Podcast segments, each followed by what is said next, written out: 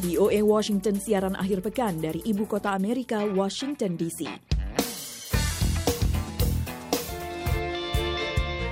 Halo pendengar, selamat berjumpa lagi dalam acara VOA Weekend dari Washington DC edisi Minggu 5 Juli 2020. Di Amerika kami masih bekerja dari rumah karena masih berlaku berbagai pembatasan terkait virus corona. Tapi kami gembira masih bisa kembali menjumpai Anda. Saya Leona Triono dan bersama saya kali ini Metrini Giopani. Halo, apa kabar semuanya? Ya, saya Metrini Giopani dan saya gembira sekali bisa kembali menjumpai Anda semua. Harapan kami Anda semua senantiasa dalam keadaan sehat, sejahtera, dan tentu bersemangat, serta bisa bersama kami selama setengah jam ke depan ya.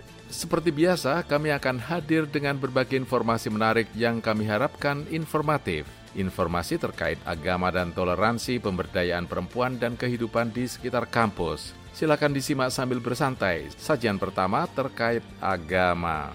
Pemerintah Tiongkok mengambil langkah keras untuk memangkas angka kelahiran warga Uyghur dan kelompok minoritas lainnya sebagai bagian dari kampanye besar-besaran untuk membatasi populasi Muslim. Menurut hasil penelusuran kantor berita Associated Press, pemerintah Tiongkok secara rutin mewajibkan perempuan dari kelompok minoritas untuk memeriksakan kehamilan dan memaksa mereka memasang alat kontrasepsi berupa KB spiral, melakukan KB steril, bahkan aborsi terhadap ratusan ribu janin. Kita simak laporan Associated Press yang disusun tim VOA berikut ini. Pada tahun 2015, setelah Gulnar Omirzak, warga Uighur yang kini bermukim di Kazakhstan melahirkan anak ketiganya, pemerintah Tiongkok memerintahkannya untuk memasang alat kontrasepsi berupa KB spiral di tubuhnya. Dua tahun berselang, empat pegawai pemerintah berseragam militer mendatangi rumahnya. Dalam wawancara dengan kantor berita Associated Press, Omir Zak menuturkan, үшінші баланы туған уақытта өкімет кезінде менің күйеуім кірмей тұрып 2015-те туғанда ой мынау заңды деп маған жаңағы бүткіл туылу Ketika saya melahirkan anak ketiga sebelum suami saya ditahan tahun 2015, saya diberi semua dokumen yang diperlukan. Akte kelahiran, izin pemerintah, nomor identitas, dan sebagainya. Tetapi setelah mereka membawa suami saya ke camp, mereka mengancam saya dan mengatakan bahwa kelahiran anak ketiga saya ilegal. Ancaman itu mengejutkan Omir Zak. Dikala sang suami yang seorang pedagang sayur miskin sudah lebih dulu ditahan pemerintah Tiongkok. Ia diberi waktu tiga hari untuk membayar denda sebesar 2.685 dolar, sekitar 38 juta rupiah, akibat memiliki anak lebih dari dua. Jika tidak membayar denda, Omirzak juga akan dibawa ke kamp pengasingan, bergabung dengan sang suami dan satu juta warga etnis minoritas lainnya. Saya tidak punya uang sepeser pun untuk membayar denda. Jadi saya kini bersiap-siap dibawa ke kamp pengasingan. Pemerintah Tiongkok mengambil langkah keras untuk memangkas angka kelahiran warga Uighur dan kelompok minoritas lainnya sebagai bagian dari kampanye besar-besaran untuk membatasi populasi Muslim. Ketika di saat bersamaan, warga mayoritas dari etnis Han justru didorong untuk memiliki lebih banyak anak. Meskipun sebelumnya segelintir perempuan telah mengungkap praktik penggunaan alat kontrasepsi secara paksa, praktik tersebut nyatanya dilakukan secara lebih meluas dan sistematis. Ini diketahui dari hasil investigasi kantor berita Associated Press yang didasarkan pada data statistik pemerintah Tiongkok, dokumen negara, dan hasil wawancara 30 orang. Di antaranya bekas tahanan, anggota keluarga, dan seorang mantan instruktur kamp penahanan. Kampanye yang dilakukan selama empat tahun terakhir di kawasan sisi barat Xinjiang itu mengarah pada apa yang disebut para pengamat sebagai bentuk genosida demografi. Pemerintah secara rutin mewajibkan perempuan dari kelompok minoritas untuk memeriksakan kehamilan dan memaksa mereka memasang alat kontrasepsi berupa KB spiral, melakukan KB steril, bahkan aborsi terhadap ratusan ribu janin, menurut hasil wawancara dan data yang ada. Zumret Dawud, bekas tahanan yang dipaksa melakukan KB steril, menuturkan pengalamannya.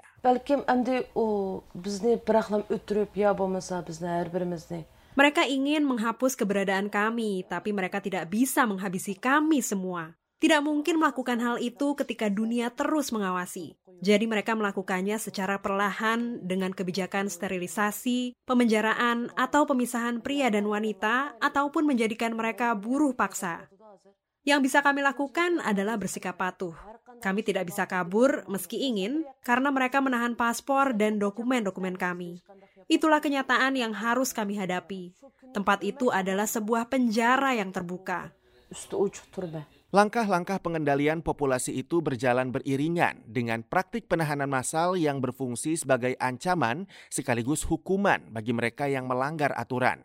Menurut temuan AP, memiliki terlalu banyak anak menjadi alasan utama orang-orang dibawa ke kamp penahanan, di mana orang tua dari tiga anak atau lebih akan dipisahkan dari keluarga mereka kecuali mampu membayar denda yang nilainya besar.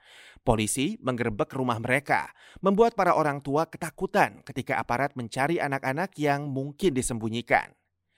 Angka kelahiran di kawasan-kawasan yang banyak dihuni warga Uighur seperti di Hotan dan Kashgar jatuh hingga lebih dari 60 persen sejak tahun 2015 hingga 2018. Data terakhir yang tersedia dari statistik pemerintah Tiongkok.